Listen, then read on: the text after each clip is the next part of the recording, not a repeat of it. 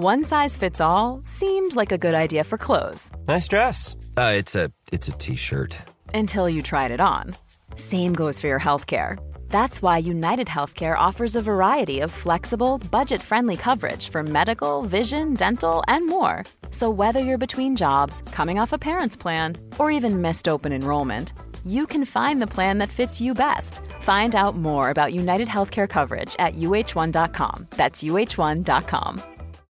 Millions of people have lost weight with personalized plans from Noom, like Evan, who can't stand salads and still lost 50 pounds. Salads, generally, for most people, are the easy button, right? For me, that wasn't an option. I never really was a salad guy. That's just not who I am. But Noom worked for me. Get your personalized plan today at Noom.com. Real Noom user compensated to provide their story. In four weeks, the typical Noom user can expect to lose one to two pounds per week. Individual results may vary. Jewelry isn't a gift you give just once, it's a way to remind your loved one of a beautiful moment every time they see it. Blue Nile can help you find the gift that says how you feel and says it beautifully with expert guidance and a wide assortment of jewelry of the highest quality at the best price. Go to BlueNile.com and experience the convenience of shopping Blue Nile, the original online jeweler since 1999. That's BlueNile.com to find the perfect jewelry gift for any occasion. BlueNile.com. Palmemordet. Rättsskandalen Olof Palme. Del 2. Med Gunnar Wall.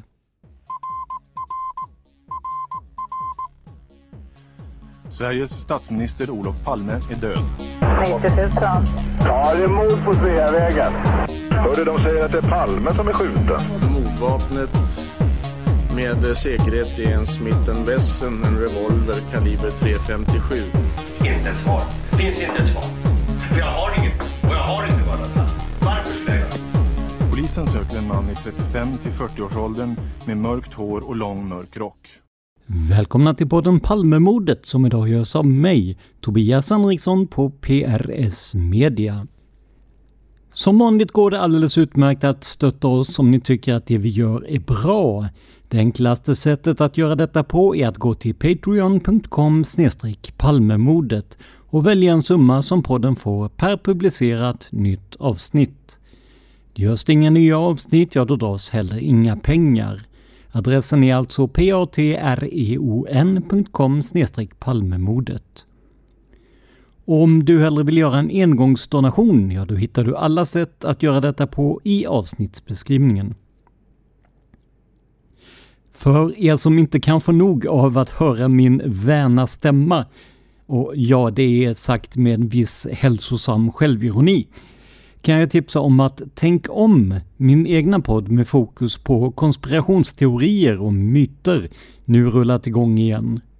Hittills har det kommit ut två intervjuavsnitt och veckan efter att det här avsnittet sänds första gången så börjar vi en serie på två avsnitt om chemtrails med fantastiska Jenny Sterner som manusförfattare.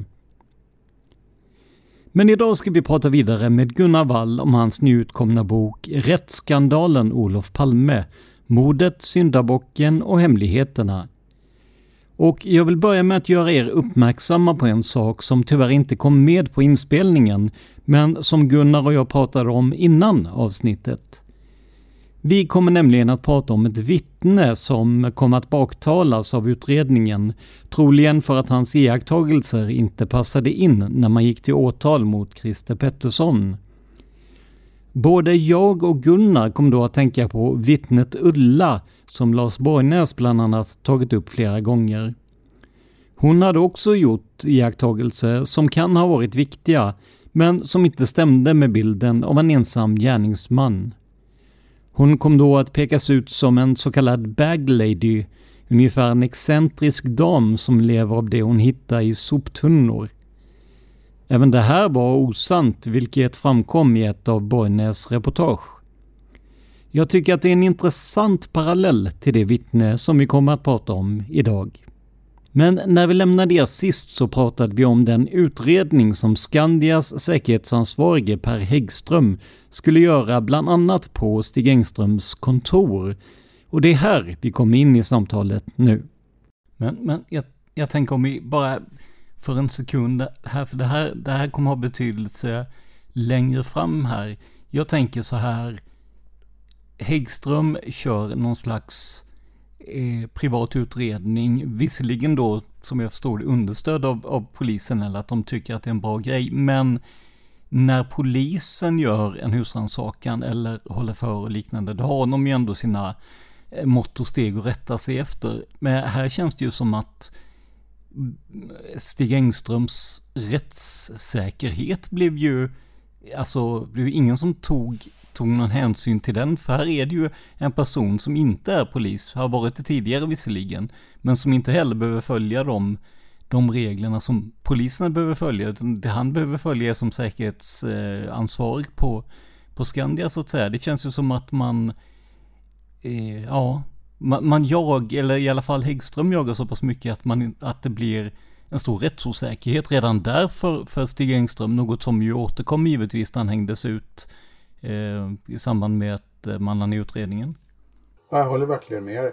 Och man kan se i ett förhör som hålls med Häggström, det är det här eh, Erik Skoglund heter han, en av utredarna, då håller, håller ett förhör med Häggström. Det är liksom hejsan och kompis och så här hela tiden. Alltså det är inte den här strama ramen som det ska vara vid förhör. Va? Det skriver jag en del om i boken också.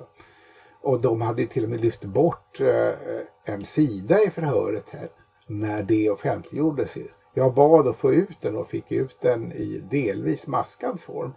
Och det handlade om liksom ytterligare kompissnack emellan Häggström och Skoglund och vad de skulle göra på semestern och saker däromkring. Och så här. Det, var, alltså det kändes verkligen som att det här är inte strikt och sakligt skött utan det här, det här kör de lite, lite grann utanför, utanför regelverket faktiskt. Ja, precis. Jag tror till och med att jag läste någonstans, jag kan ha fel, men jag har för mig att jag läste att, att de kallade, eh, Häggström kallade Skoglund för Skogis eller något sånt där man till och med använde smeknamn liksom på varann eh, emellan. Eh, som sagt, jag lite reservation för att jag kan ha fel, men jag har för mig det. Jag tror att du har rätt, men jag kan inte säga vad jag har läst. Nej, men det, det säger ju en hel del. Jo, men exakt då. Så att, så att det är ju... Ehm, ja. Och det här med att Engströms rättigheter åsidosattes det kommer ju att gå igen i slutet också när, och det tycker jag är väldigt anmärkningsvärt, att när Petersson la fram sina anklagelser mot Engström så hade han inte utsett någon som skulle försvara Engströms intressen överhuvudtaget. Så liksom Engström blev mycket, mycket sämre behandlad än alla andra misstänkta under hela utredningens gång. För de fick ju advokater i alla fall. Va?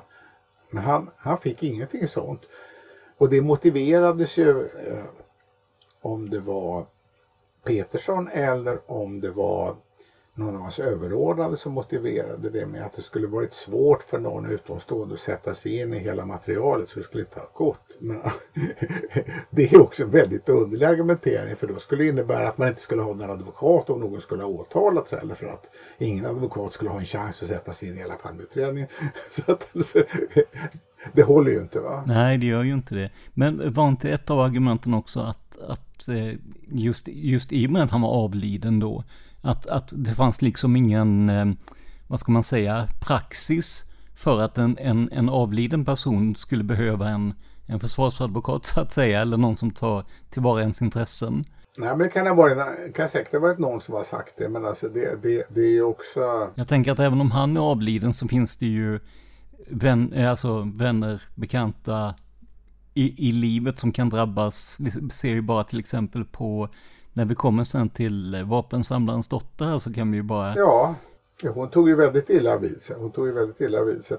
Och, eh, och det kan man tänka, Dessutom så tycker jag att det är lite stötande att det skulle vara fritt fram och sprida vilka anklagelser som helst av någon när som är avliden. Vad skulle man själv tycka om att den dag jag dör, då är det fritt fram. Då kommer ingen att försvara mig. Då kan man bara stämpla mig för vad som helst. Det känns ju inte riktigt bra. Nej, men samtidigt så, så det här är bara, det här är en spekulation, det vill jag poängtera, men det känns ju också som att Engström som han målades ut då, en ganska ja men ensam, kanske lite udda person, att det var mer, jag ska inte säga fritt fram, men att man, man kände väl kanske att det inte fanns så många som man behövde ta hänsyn till.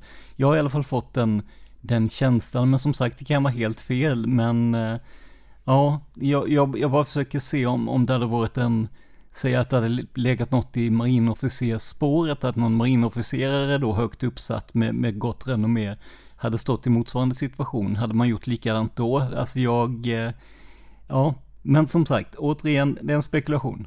Ja, och det, och det anknyter till något annat som jag har reagerat över som inte gäller vad utredarna har gjort utan de olika personer som handlägger vilka handlingar som lämnas ut eller inte. Och där, där har jag suckat många gånger över att många sidor har varit svarta och mycket intressant har saknats och ibland har man fått intryck av att det går inte att bedöma styrkan i misstankar av olika slag bara för att så mycket är struket. Men det som har, det som har gjort att jag har reagerat speciellt det har varit att i vissa fall så har handlingar varit helt och hållet maskade när jag har bett få ut dem eller så har jag inte fått ut någonting så att säga. Och det har motiverats med att det skulle finnas risk för skada och men för enskild. Och när det har varit så omfattande maskningar så att ingenting har lämnats ut så har det i ett antal fall handlat om sånt där jag haft svårt att se vad skada och men för enskild skulle handla. Jag har bett att få ut eh, handlingar som handlar om walkie observationer och liknande och radiotrafik och sånt där.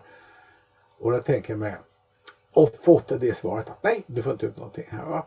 Och eh, då har jag en känsla av att skada och men för enskild ibland används när det är andra, andra intressen man vill skydda när det är olika typer av hem, hemlig myndighetsverksamhet. Så använder man sig av det fast det är någon som agerar i myndighets, myndighetskapacitet. Då är det inte en enskild det handlar om. Då är det myndigheters agerande det handlar om. Det ska inte hemligstämplas utifrån eh, skada för enskild. Men jag tror att man har gjort så rätt ofta bara för att det är enklast. Va? Man vill inte säga att det gäller hemlig, hem, hemlig myndighetsverksamhet för det skulle se väldigt illa ut. Va? Utan då använder man den här regeln istället. Va? Ja, men precis för att förundersökningssekretessen kan man inte hänvisa till längre, den är ju borta.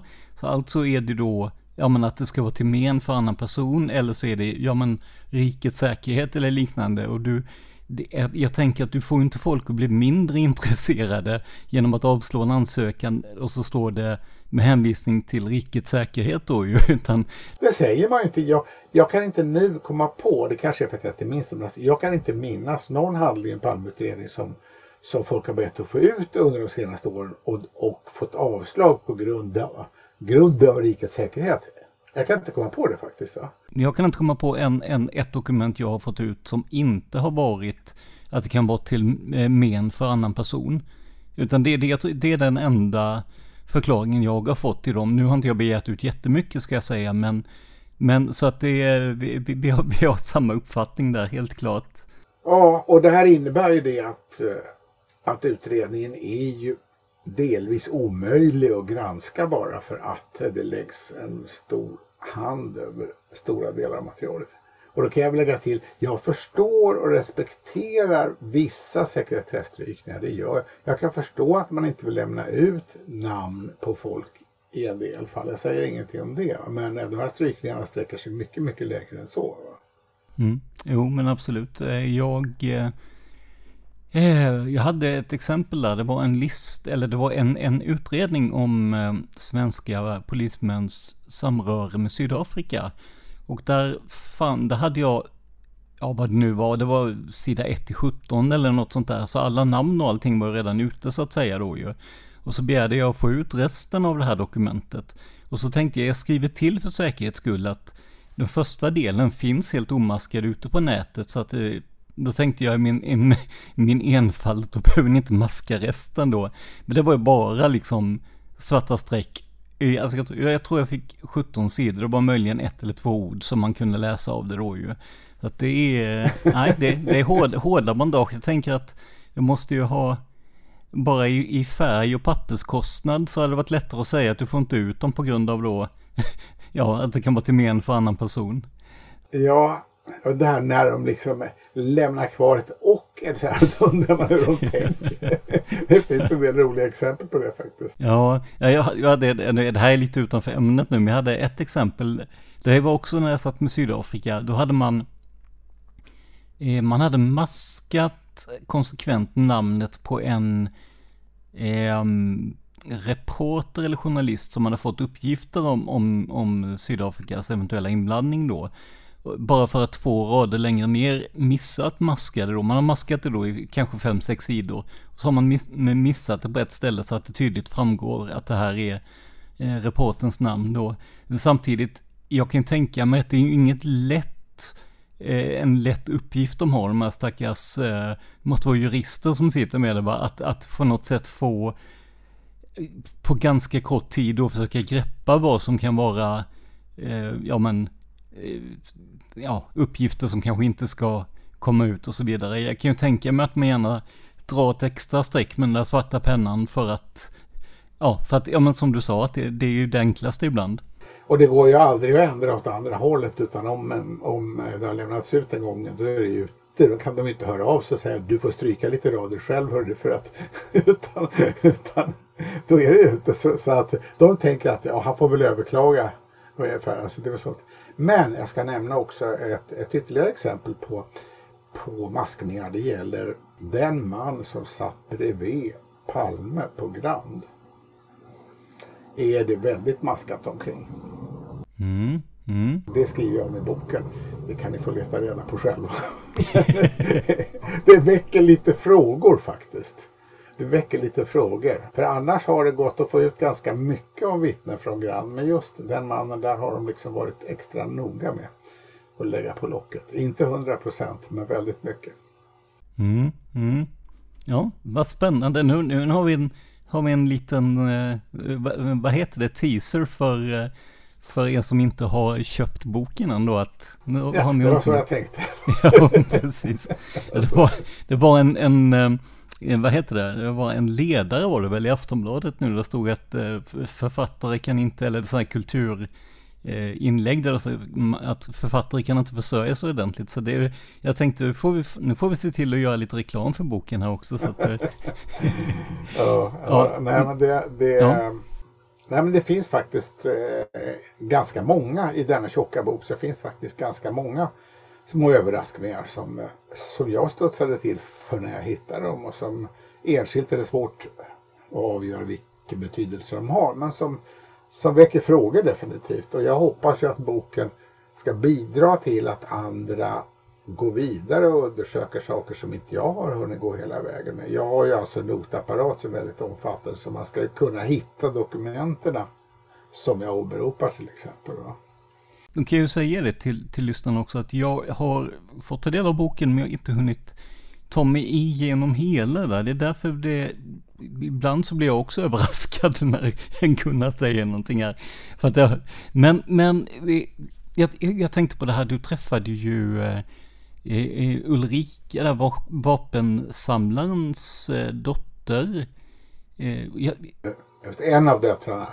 Äldsta dottern, ja. Eh, jag, jag tänkte lite på, vi, vi, vi, har ju pratat med henne på telefon, men eh, så har vi pratat om en eventuell intervju, men sen, ja, sen har jag haft ett, eh, ett, ett halvår som har varit lite, lite sämre i måendet och sådär. Men, men hur, hur upplevde du det samtalet? Vilken bild fick du av, av Stig och den så kallade vapensamlaren Willy genom henne då? Ja, det var två långa samtal vi hade framför allt och eh, hon var mycket generös med att beskriva både saker från sitt eget liv, om sina föräldrar och om Stig och hans fru. Alltså väldigt, eh, väldigt ingående och målande och naturligtvis inte bara någon smickrande bild av Stig, men en väldigt mänsklig och levande bild och som var präglad av att hon hade ju vuxit upp med honom va? och det, det, det liksom tyckte om honom. Va? Och ja, alltså det fyller i en hel del saker. Det blev lättare, och, lättare att se vem Stig Engström var tycker jag. Va? Och det, det, ja, alltså det, det är återigen han passar inte in i som någon sorts tänkbar gärningsman, hur man än vänder och vrider på det. Alltså det hans person passar inte in och när inte heller de här andra bitarna passar in så, så då kommer man på något sätt oundvikligen till slutsatsen att han sannolikt var fullständigt oskyldig. Va? Det, det, man kan ju aldrig bevisa någonting till 100 procent men alltså det, jag tycker det låter fullständigt orimligt att han skulle vara gärningsmannen. When you're ready to pop the question, the last thing you want to do is second guess the ring. At BlueNile.com you can design a one-of-a-kind ring with the ease and convenience of shopping online. Choose your diamond and setting. When you find the one, you'll get it delivered right to your door. Go to Bluenile.com and use promo code LISTEN to get $50 off your purchase of $500 or more. That's code LISTEN at Bluenile.com for $50 off your purchase. Bluenile.com code LISTEN. One size fits all seems like a good idea for clothes until you try them on. Same goes for healthcare. That's why United Healthcare offers flexible, budget friendly coverage for medical, vision, dental, and more. Learn more at uh1.com. Millions of people have lost weight with personalized plans from Noom, like Evan, who can't stand salads and still lost 50 pounds. Salads, generally, for most people, are the easy button, right? For me, that wasn't an option. I never really was a salad guy. That's just not who I am. But Noom worked for me. Get your personalized plan today at Noom.com. Real Noom user compensated to provide their story. In four weeks, the typical Noom user can expect to lose one to two pounds per week. Individual results may vary. Jag pratade med Ulrika efter eh, Netflix-serien med eh, Robert Gustafsson och där. Och, då var hon inte jätteimponerad över hur den hade framställt eh, varken Stig eller hennes pappa då. Nej, hon var ju väldigt, väldigt arg över det när jag talade med henne får man säga. Hon menade att det var väldigt, väldigt osakligt och hade inga likheter med hur vare sig Stig eller hennes far var. Men eh, ja, nej, jag tycker det var läsvärt. Det lämnar jag över till er. Det blev också extra dramatiskt för att mellan första och andra intervjun hade Ulrika fått besked om att hon var sjuk i cancer. Så att eh, det var, ja men eh, det ser ut att ha gått bra efter en väldigt jobbig behandling. Men, men det skapade ju också en ram omkring de samtal vi hade. Som gjorde det hela liksom ytterligare, ytterligare smärta i det hela kan man säga. Och jag tänker att ett av de eh, de här stora händelserna i livet hade ju varit fullt tillräckligt för vem som helst. Nu hade hon ju det här, dels då med hur hon, eller ja, hon, men ja, även hon i och för sig, och hennes nära porträtterades i den här serien och sen dessutom har då en, en cancerdiagnos hängande över sig. Det är, usch, måste varit riktigt tufft alltså. Ja, och det var samtidigt imponerande se vilken energi hon kunde, hon kunde lägga ner på att förklara saker för mig. Alltså, jag, mm, jag blev tagen och gripen. Jag tyckte det var väldigt, väldigt starkt av henne faktiskt. Mm. Eh, visst gjorde Ulrika även en JK-anmälan om det här hur man hade hanterat Stig, eller ja, hur man hade, vad ska vi säga, inte, inte tagit hans eh, eh, ta tillvara på hans intressen så att säga. Det var någon som gjorde en anmälan om, eh, om hur Stig Engström hade framställts i Netflix-serien och hon gjorde en uppföljande anmälan om hur hennes far hade framställts. Det, och, då, och då förde JK över det till en allmän åklagare eftersom Netflix inte hör hemma i Sverige om jag minns rätt. Va? Men och sen avskrevs hennes anmälan av åklagaren ganska fort. Då, så att, men det är så det blir ofta. Men hur, hur, tycker du att man skulle hanterat den här situationen? Alltså just med, med man pekar ut en, en avliden person. Hur skulle man gjort? Skulle man, skulle man då, om, om du hade fått önska så att säga, eller som du tänker, skulle man tillsatt en, en en regelrätt försvarsadvokat? Eller hur, hur skulle man gjort? Skulle man anonymisera personen vid utpekandet? Eller hur, hur skulle man gå tillväga för att det inte skulle då eh, inkräkta på, på hans rättssäkerhet? Ja, alltså man kan ju börja med att säga att jag tycker inte att man ska peka ut folk på så svaga grunder som skedde. Men, men om de ändå gjorde det så tycker jag att eh, att utse någon som skulle spela rollen av försvarare om det var en annan åklagare eller om det var en advokat spelar kanske mindre roll, men alltså någon som skulle haft i uppgift att gå igenom omständighet som talar för att Engström var oskyldig. Det, liksom, eftersom ändå Petersson var inne på att lägga ner utredningen och det kunde han, kunde han göra ändå så att säga. Så, så alltså om han var så övertygad om styrkan i sin egen argumentering kunde, kunde han ju ha sagt åt någon att du får leta fram vad du kan som ska nyansera bilden av Engström och hittar du någonting som eh, liksom eh, ger någonting åt ett annat håll än vad jag har lagt fram då är väl det bra ungefär. Jag står för det jag har, jag har sagt i alla fall. Va? Och, och så kunde jag sagt om du hittar någonting så får mig att ändra mig så får jag väl ändra mig. det kanske hade varit bra för honom att få höra ifrån någon annan som var ute, ute och letade efter omständigheter som talar för att Engström är oskyldig eller åtminstone för omständigheter som sa att, eh, att det som fanns emot Engström var så svagt att det inte borde ha räckt till den sortens utpekande som Petersson gjorde. Det hade, hade varit nyttigt för att jag, jag är väl tämligen övertygad om att med tidens gång eh, så kommer den allmänna uppfattningen att vara att, att utpekandet av Engström var väldigt, väldigt illa underbyggt. Och det hade ju varit bra för Petersson också kanske om han hade sluppit att göra det misstaget. Jag tänkte på, jag, jag har suttit lite nu på sista tiden med eh, Mårten Palme och hans förhör. Du nämner ju honom i boken också givetvis där. Och, och, men det som har slagit mig där är ju att, eh, för han, han tycks ju så att säga köpa numera då eh, Stig Engström och, och historien kring denna. Men när man tittar på förhören så tyckte han att den som Hans Holmér kallar den galne österrikaren, som vi inte har nämnt vid namn då, men eh, den personen tyckte han kunde stämma rätt bra.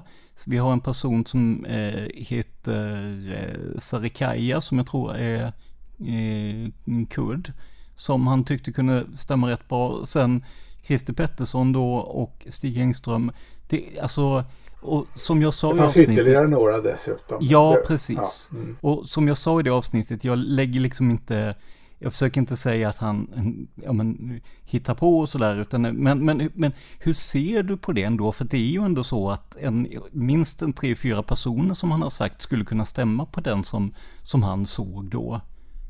Och de såg i alla fall en del av dem väldigt olika ut inbördes. Det, det, det, det måste man ju säga. Jag Eh, Christer Pettersson, Stig Engström till exempel eh, eh, har jag ju svårt att se några direkta likheter mellan. Men ja, men så är det ju. Men hur, hur, hur ser du på det?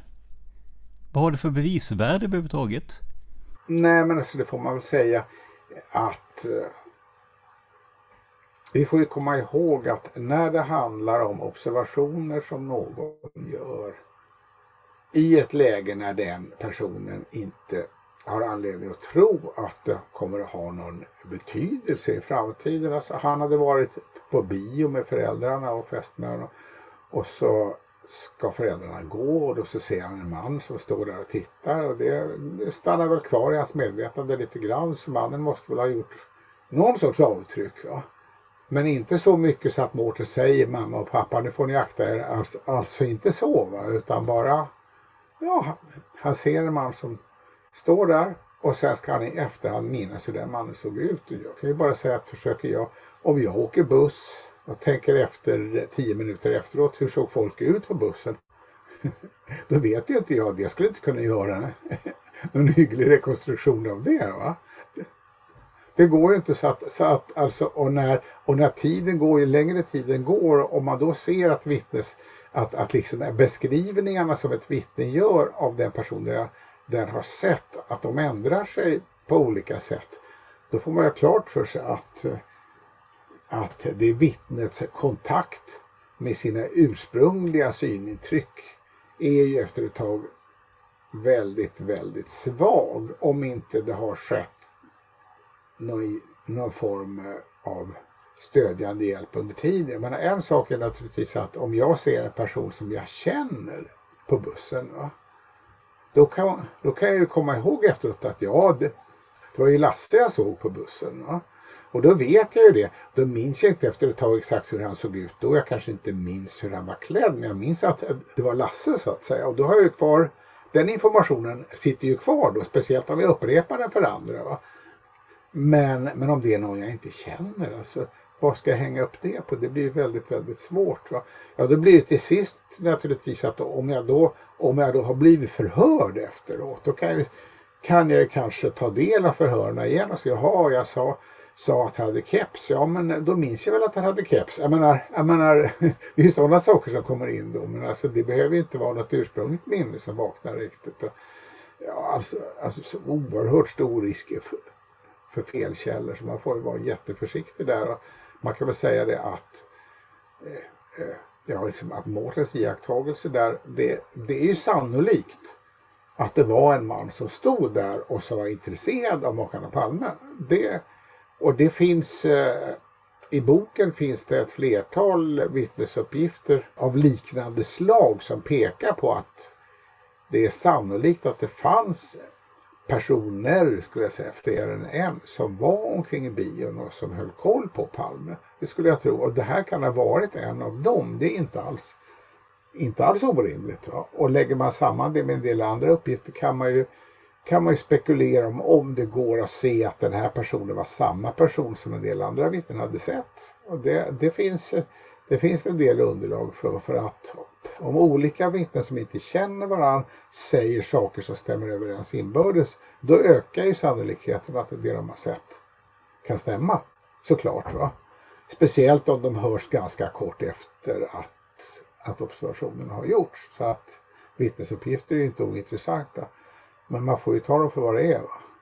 Jag, jag ser ju en person som gärna vill hjälpa till att lösa mordet på sin far givetvis. Eh, och som, ja men ibland kan jag tycka, få, kanske få lite, lite hjälp av förhörsledarna då. Eh, att var det inte si eller så. Eh, men eh, så att jag, jag menar absolut inte att det skulle vara något skumt eller liknande, utan det är bara att, att jag eh, jag, jag reagerade på det när jag satt med det. Och, men eh, som sagt, det, kan man säkert få, eh, ja, samma kan man säkert få med många andra vittnen också där. Och det, alltså det här med förhörsledarens insatser där, redan på mordnatten då var det ju Börje Wingren som var, var, var aktuell och han hade ju alltså fått tips om österrikaren och tog kontakt med Mårten då och visade honom en bild av österrikaren. Och enligt, jag vet inte om det var Mårten själv eller om det är andra som har tagit upp det så får man intryck av att Wingren säkerligen var ganska påstridig där. Så att det som står i protokollet om att Mårten tyckte sig se en likhet, det kanske var ord som Wigren delvis la i hans mun. Det kan man ju inte utesluta. Va? Eh, jag tror, nu, nu, nu med risk för att jag kan minnas fel, men de, de pratar om det här i ett betydligt senare förhör, för då har jag för mig att det är Anders Helin som är med, nämligen. Eh, och eh, då, då konstaterar man ju att det var ju fel att visa det. För de visade, eller Wingen visade nämligen bara, han visade tre bilder, men det var på samma person. Eh, framifrån och i profil, eh, två profilbilder som jag står där. Eh, då står det någonting i protokollet som, som Wingren upprättade att Mårten Palme är, ja men, är säker eller eh, tycker sig väl känna igen personen som den här då.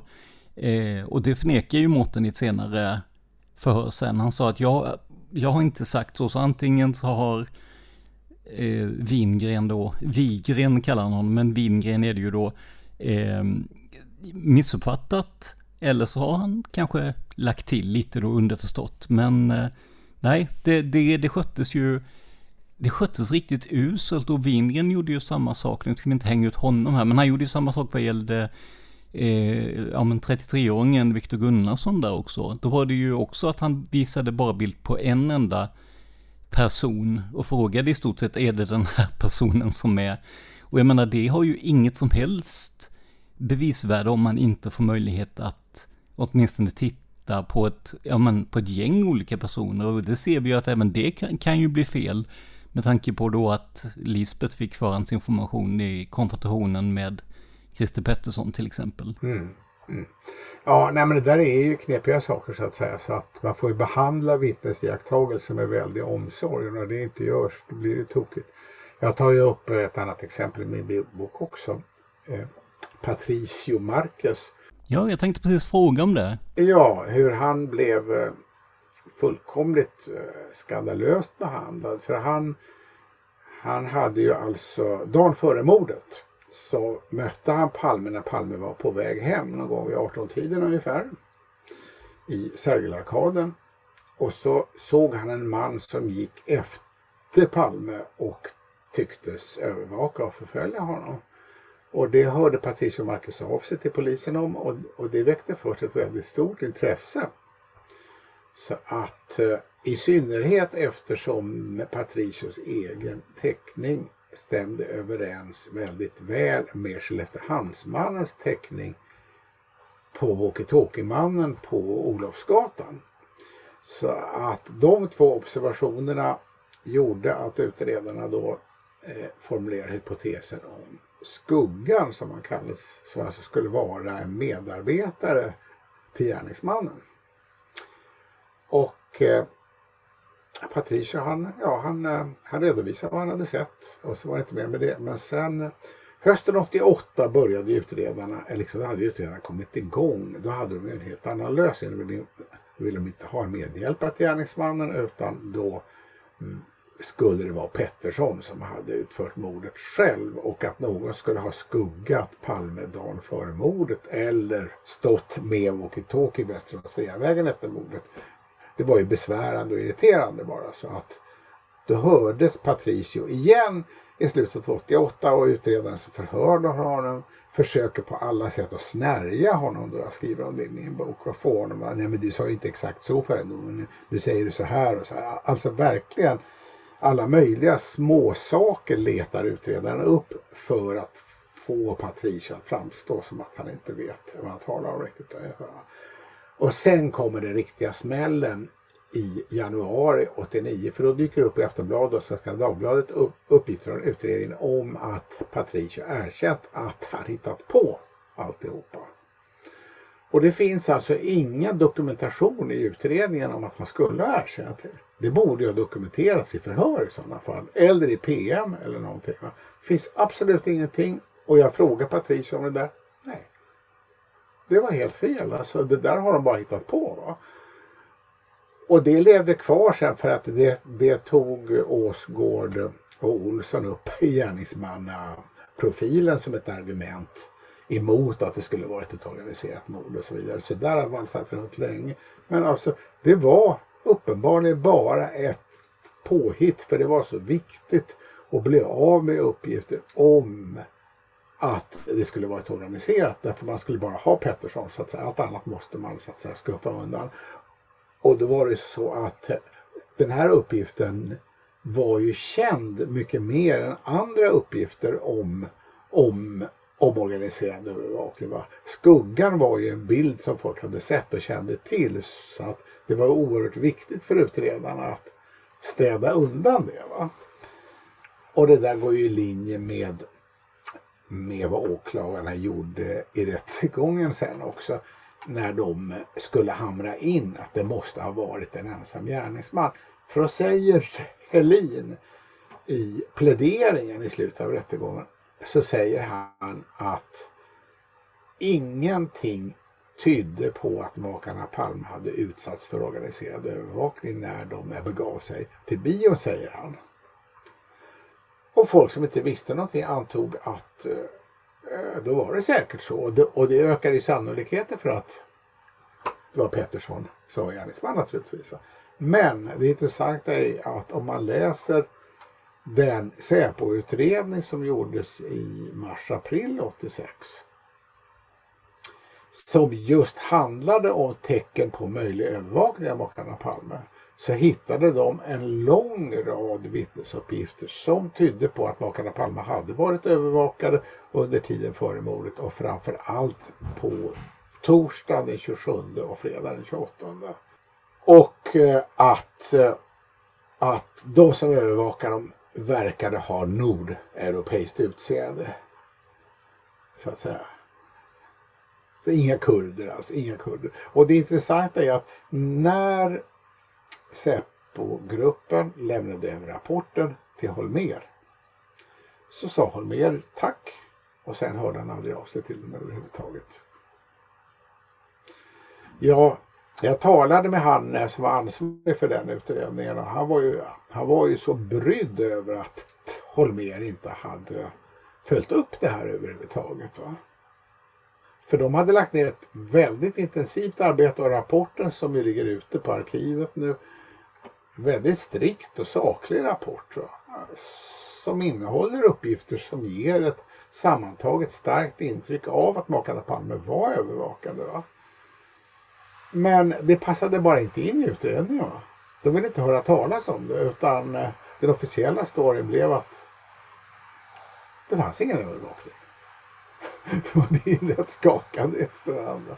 Dessutom så fick den här Säpo-gruppen, de fick inte del av allt material som fanns som pekade på övervakning. Det fanns en del uppenbara luckor så att det hade sållats på något sätt. Eh, med avsikt eller inte. Men alltså, så det, det, liksom, det var, ja. De hade inte hela underlaget alltså. Mm. Men någonting som jag tycker är, jag tror att det är eh, Patricio man syftar på här nämligen. Men man säger eh, om ett vittne att han skulle ha pekat ut en, ja men typ blond och blåögd man för att neutralisera bilden av att det skulle ha varit någon kurd eller, det, alltså man, man, man får det till någon, alltså i, i min tycke rasistisk eh, fråga att bara för att Patricio har ett utländskt namn då så skulle han ha pekat ut en svensk. Eh, stämmer det att det var Patricio först och främst? Han var från Chile och, eh, och eh, det stämmer att, att han anklagades för att ha styrts av det så att säga. Men nej, men alltså, nej, det är bara påhitt. Men det, det, är ju, det är ju ganska häpnadsväckande att man, alltså det, det är ju inte, alltså jag tänker att det, det låter ju som rent förtal om man nu skulle... Ja. Han var ju inte namngiven i de här artiklarna så att det skulle inte blivit något förtalsmål av det antar jag. Men alltså de som visste om vem han var, de måste uppfatta det som att han blev uthängd som, som om han ljugit. Va? Och, det, och det, det, är rätt skandalöst. Va? Ja, det får, det får ju en, en, en ganska otäck jag tycker att förutom det här med att han anklagas för ljuga så får det en ganska otäck underton när man försöker ja, men blanda in eh, etnicitet och liknande i det då. Alltså jag tycker det, det ja, ja, men som sagt, eh, övervakning finns det goda, goda skäl att tro att det fanns. Eh, man tittar både på då den här utredningen som sagt och, och ja men bland annat det som Patricio säger här då. Ja, och så har vi ju Blombergssons och Stoides eh, utredning från 2017. De gick ju igenom walkie-talkie-observationerna speciellt då. Och de kom ju till slutsatsen att det var sannolikt att det hade förekommit walkie-talkie-övervakning både i Gamla stan och på Sveavägen. Och eh, det där, det där var ju inte någonting som de kunde avskriva sen heller utan eh, de här uppgifterna finns ju kvar och, och har inte förklarats. Så att eh, det är ju, det är ju så. Va? Och då kan man ju tänka sig att eh, skulle det kunna vara någon annan som var övervakad? Ja, men då borde väl det ha kommit fram. Då borde väl ansvariga myndigheter ha sagt att det var så. Då borde ha sagt det där var våra snubbar som var ute, vi höll på med något helt annat. Det har man inte gjort så. I och för sig så vet vi det att Säpo hade ju en hemlig övervakningsoperation på mordnatten. En Kosi van Tutte. Precis. Och den förnekade ju Hjälmroth när han pratade med spaningsledningen. Förnekade han Säpo hade haft en operation den här kvällen. Så att, så att jag menar, alltså vi lever i någon form av spegelvärld här där liksom ingenting av det som sägs behöver stämma. Man blir lite trött. Men, men, men eh, ja, men så är det. Eh, jag har för mig, nu, nu, eh, nu är jag ute på djupt vatten här, men jag har för mig att eh, Corsi fan tutte betyder ungefär det gör de alla, eller det är vad alla gör. Jag vet inte om det, det, jag, vet inte om, jag vet inte om det har någon betydelse för, så att säga, skeendet då, men det är ändå en ganska, eh, jag tycker det är intressant namn på en, eh, en övervakningsoperation om man säger så då. Det är sånt som alla gör. Det finns en ironisk aspekt där. Dessutom så var ju det alltså en Mozart-opera som hette så. Och eh, vilket ju för tankarna till bröderna Mozart. Och Tore Forsberg som ledde den här operationen.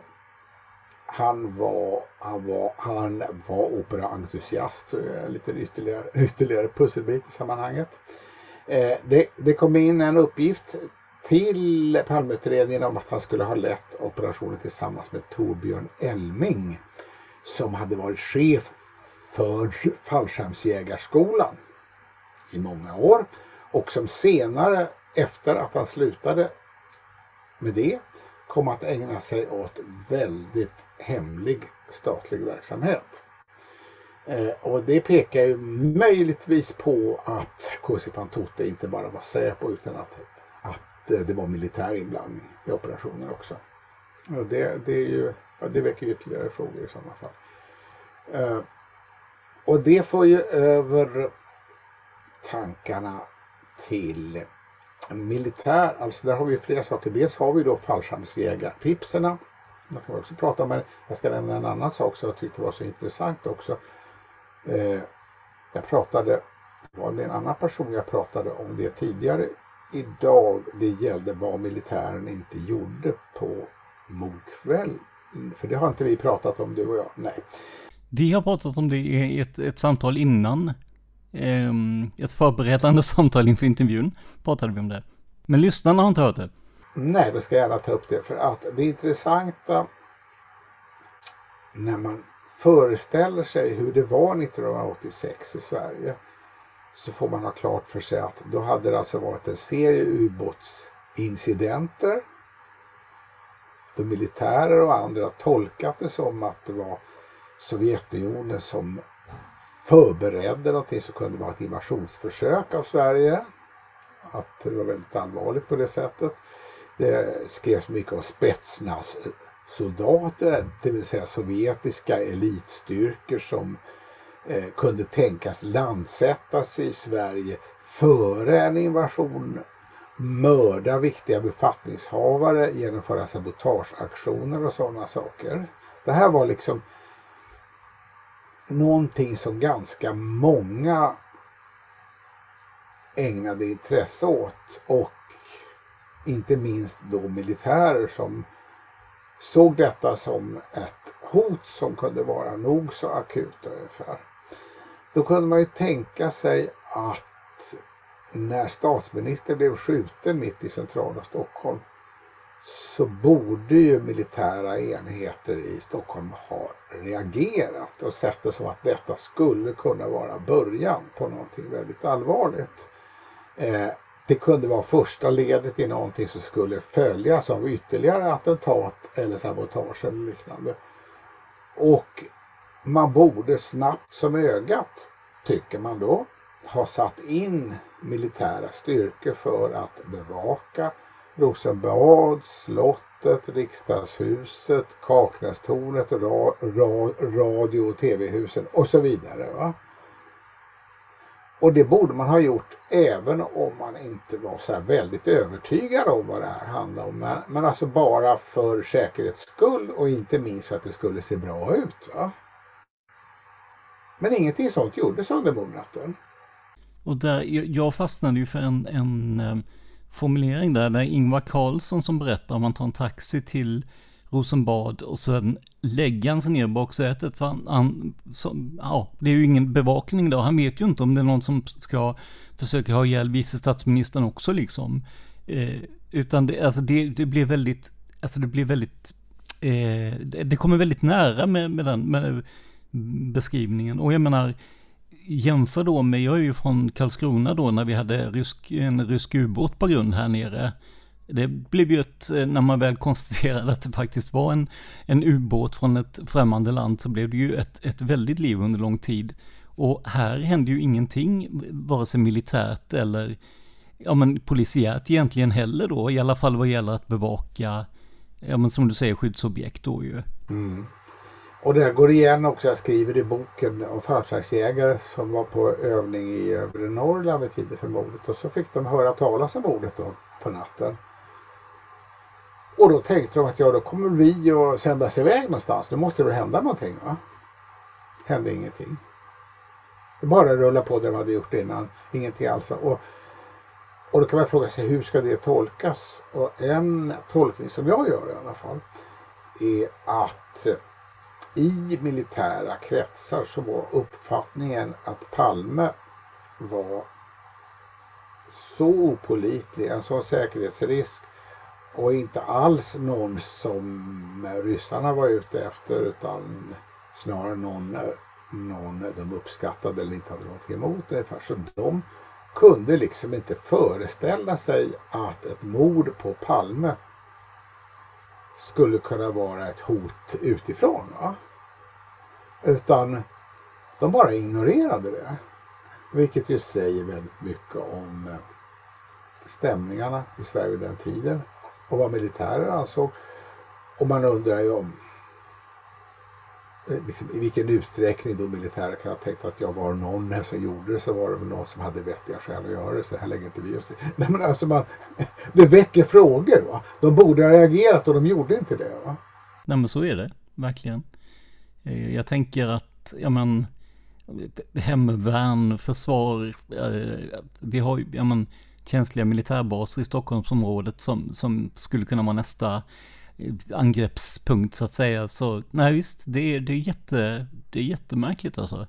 Men som du säger, det, det, ja, det fanns säkert de, eller det fanns definitivt de som tänkte att vi var en landsförrädare i kort och att det är säkert då, eh, ja, som du säger, att någon gjorde det i ett gott syfte. Hur makabert och eh, osmakligt den kan verka i dagens sammanhang så, ja. Ja, jag tror man måste liksom eh, väga in de sakerna. Jag, jag hittade också en del uttalanden från olika ansvariga militärer. Någon sa att ja, vi följde bevakningen i media under natten. Det fanns ingenting som tydde på att det här skulle vara ett hot mot riket och det vet vi ju. Det fanns ju nästan ingen bevakning i media alls. Det var ju, var ju så torftigt så det var ju löjligt. va. Man visste ju ingenting där. Va? Så att, alltså, det var ju inte något svar på någon fråga. Va? Så att, ja, nej, men väldigt, eh, väldigt underligt det hela. Va? Det var ju till och med så att den här eh, eh, den här lampan som skulle blinka på Sveriges Radio vid stora händelser, den var ju urkopplad på grund av en renovering har jag för mig. Så att, så att det låg liksom ett, ett eh, telex eller ett fax eller vad det nu var för någonting på den tiden. Med information om att Palme hade, om det var att han mördats eller han blivit skjuten i det läget, det vet jag inte. Men, men det, det nådde ju liksom inte fram förrän Mm, ja, för de ringde från Radio Sweden har jag för mig och frågade varför de spelade popmusik när Palme var död. Det berättade de om i P3 Dokumentär bland annat. Mm, nej, det fanns ju många sådana absurditeter. Det var ju, var ju ett samtal från USA som informerade någon ansvarig militär i Sverige om att Palme var skjuten. Och så. Alltså, alltså var ju verkligen... Men, men, och det är ju... Alltså det, det, det är väldigt underligt hela hur man än vänder och vrider på det. Va? Nej men det, det jag tänkte på, apropå, ja men, jag säga personkopplingar och så här då. Jag tänker lite på eh, Sven Aspling. Som ju pratade med eh, Olof Palme, var till och med den sista som pratade med honom på telefon va? Förefaller vara den sista för att då skulle Olof och Lisbeth gå precis när samtalet avslutades. Som jag skriver i boken vet vi faktiskt inte vilka övriga samtal Palme hade under kvällen. Vi känner till en del men vi vet inte om vi känner till alla. Men, men Aspling var på slutet och det intressanta är att Aspling tar upp i förhör att eh, han, vill, han vill uppmärksamma utredarna på att Palme kan ha varit avlyssnad och att det skulle kunna vara ett någonting organiserat. Så det, det är liksom han som själv hade varit partisekreterare och som dessutom hade varit med att bygga upp Stay Behind i Sverige en gång i tiden. Ja, precis. Det var det jag tyckte var lite, det var en lite intrikat koppling där ju. Att, eh, ja. Men då ska man liksom komma ihåg de mycket komplicerade sakerna omkring Stay Behind. Att Det var ju alltså en informell struktur som var knuten till NATO och som var förankrad på regeringsnivå med kontakter i näringslivet på hög nivå och så vidare.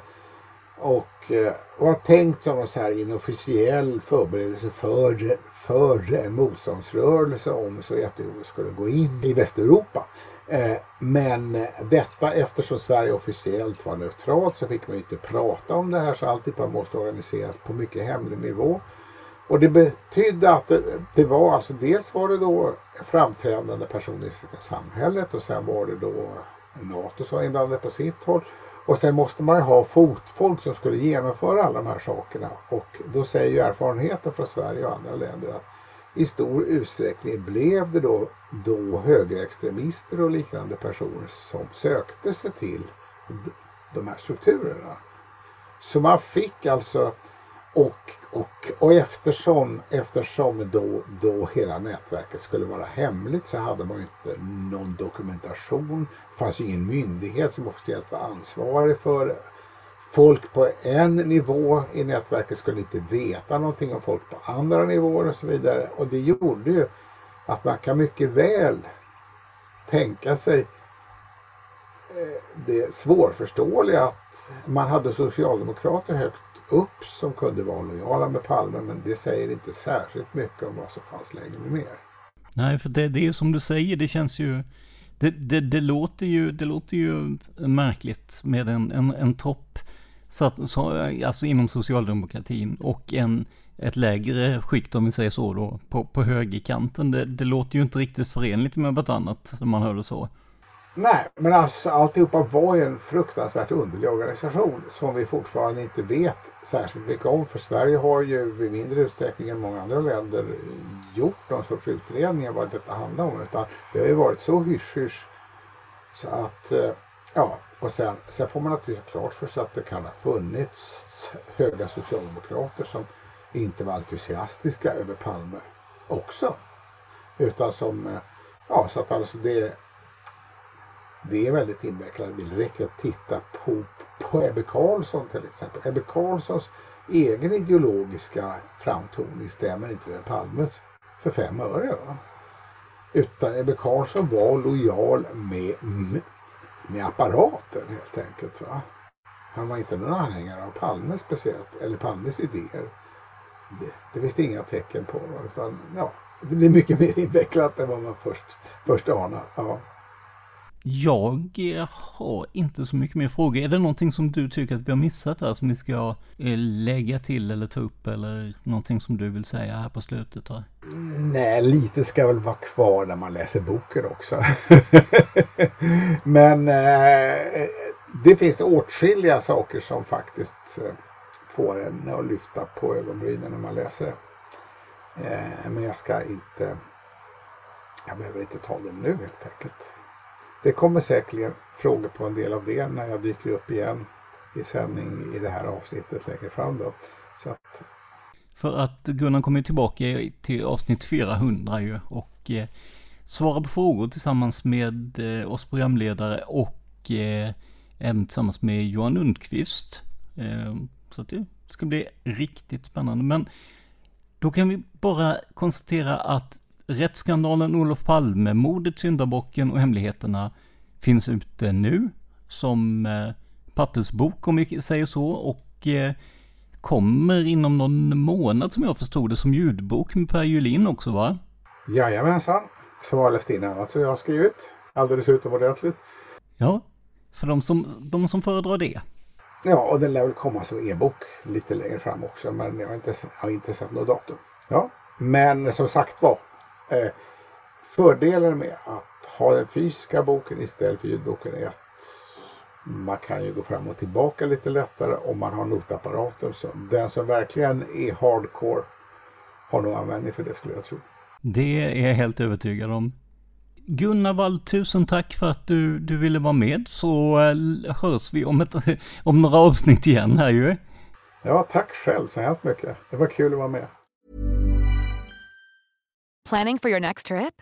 Elevate your travel style with Quince. Quince has all the jet setting essentials you'll want for your next getaway, like European linen, premium luggage options, buttery soft Italian leather bags, and so much more.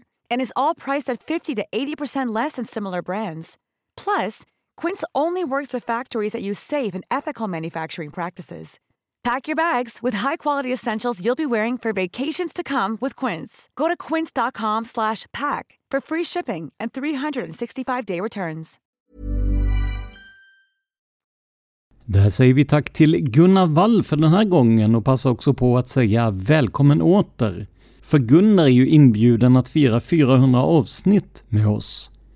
Om du vill ställa frågor till honom, vår fantastiske researcher Johan Lundqvist, eller mig, Dan eller Cornelia, så kan du mejla dem till simwaypodcast.gmail.com Alltså z-i-m-w-a-y podcast gmail.com Hit kan du också skicka tips på ämnen att ta upp i podden eller eventuella frågor som du har. Som jag sa sist, rättsskandalen Olof Palme handlar om slutet av Palmeutredningen. Vill ni veta mer om vad som hände i början av den så har Gunnar en alldeles utmärkt bok för det också. Den heter Mörkläggning, statsmakten och Palmemordet och kom ut i en ny utgåva bara för något år sedan här. Den rekommenderas varmt både av Dan och mig. Och som vanligt, vill du stötta oss ekonomiskt, ja då går det alldeles utmärkt och alla sätt att göra det på hittar du i avsnittsbeskrivningen. Det här var veckans avsnitt av podden Palmemordet som idag gjordes av mig, Tobias Henriksson på PRS Media. För mer information om mig och mina projekt besök facebook.com prsmedia.se eller gilla oss på Instagram där vi heter PRS Media. Ett ord, små bokstäver. Stort tack till Gunnar för ytterligare ett mycket intressant avsnitt. Men framför allt, stort tack för att du lyssnar på podden Palmemordet. Man hittar Palmes mördare om man följer PKK-spåret till botten. Därför att ända sedan Julius Caesars tid har jag aldrig hört talas om ett mord på en framstående politiker som inte haft politiska skäl.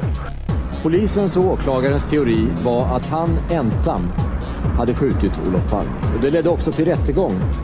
Men han frikändes i hovrätten.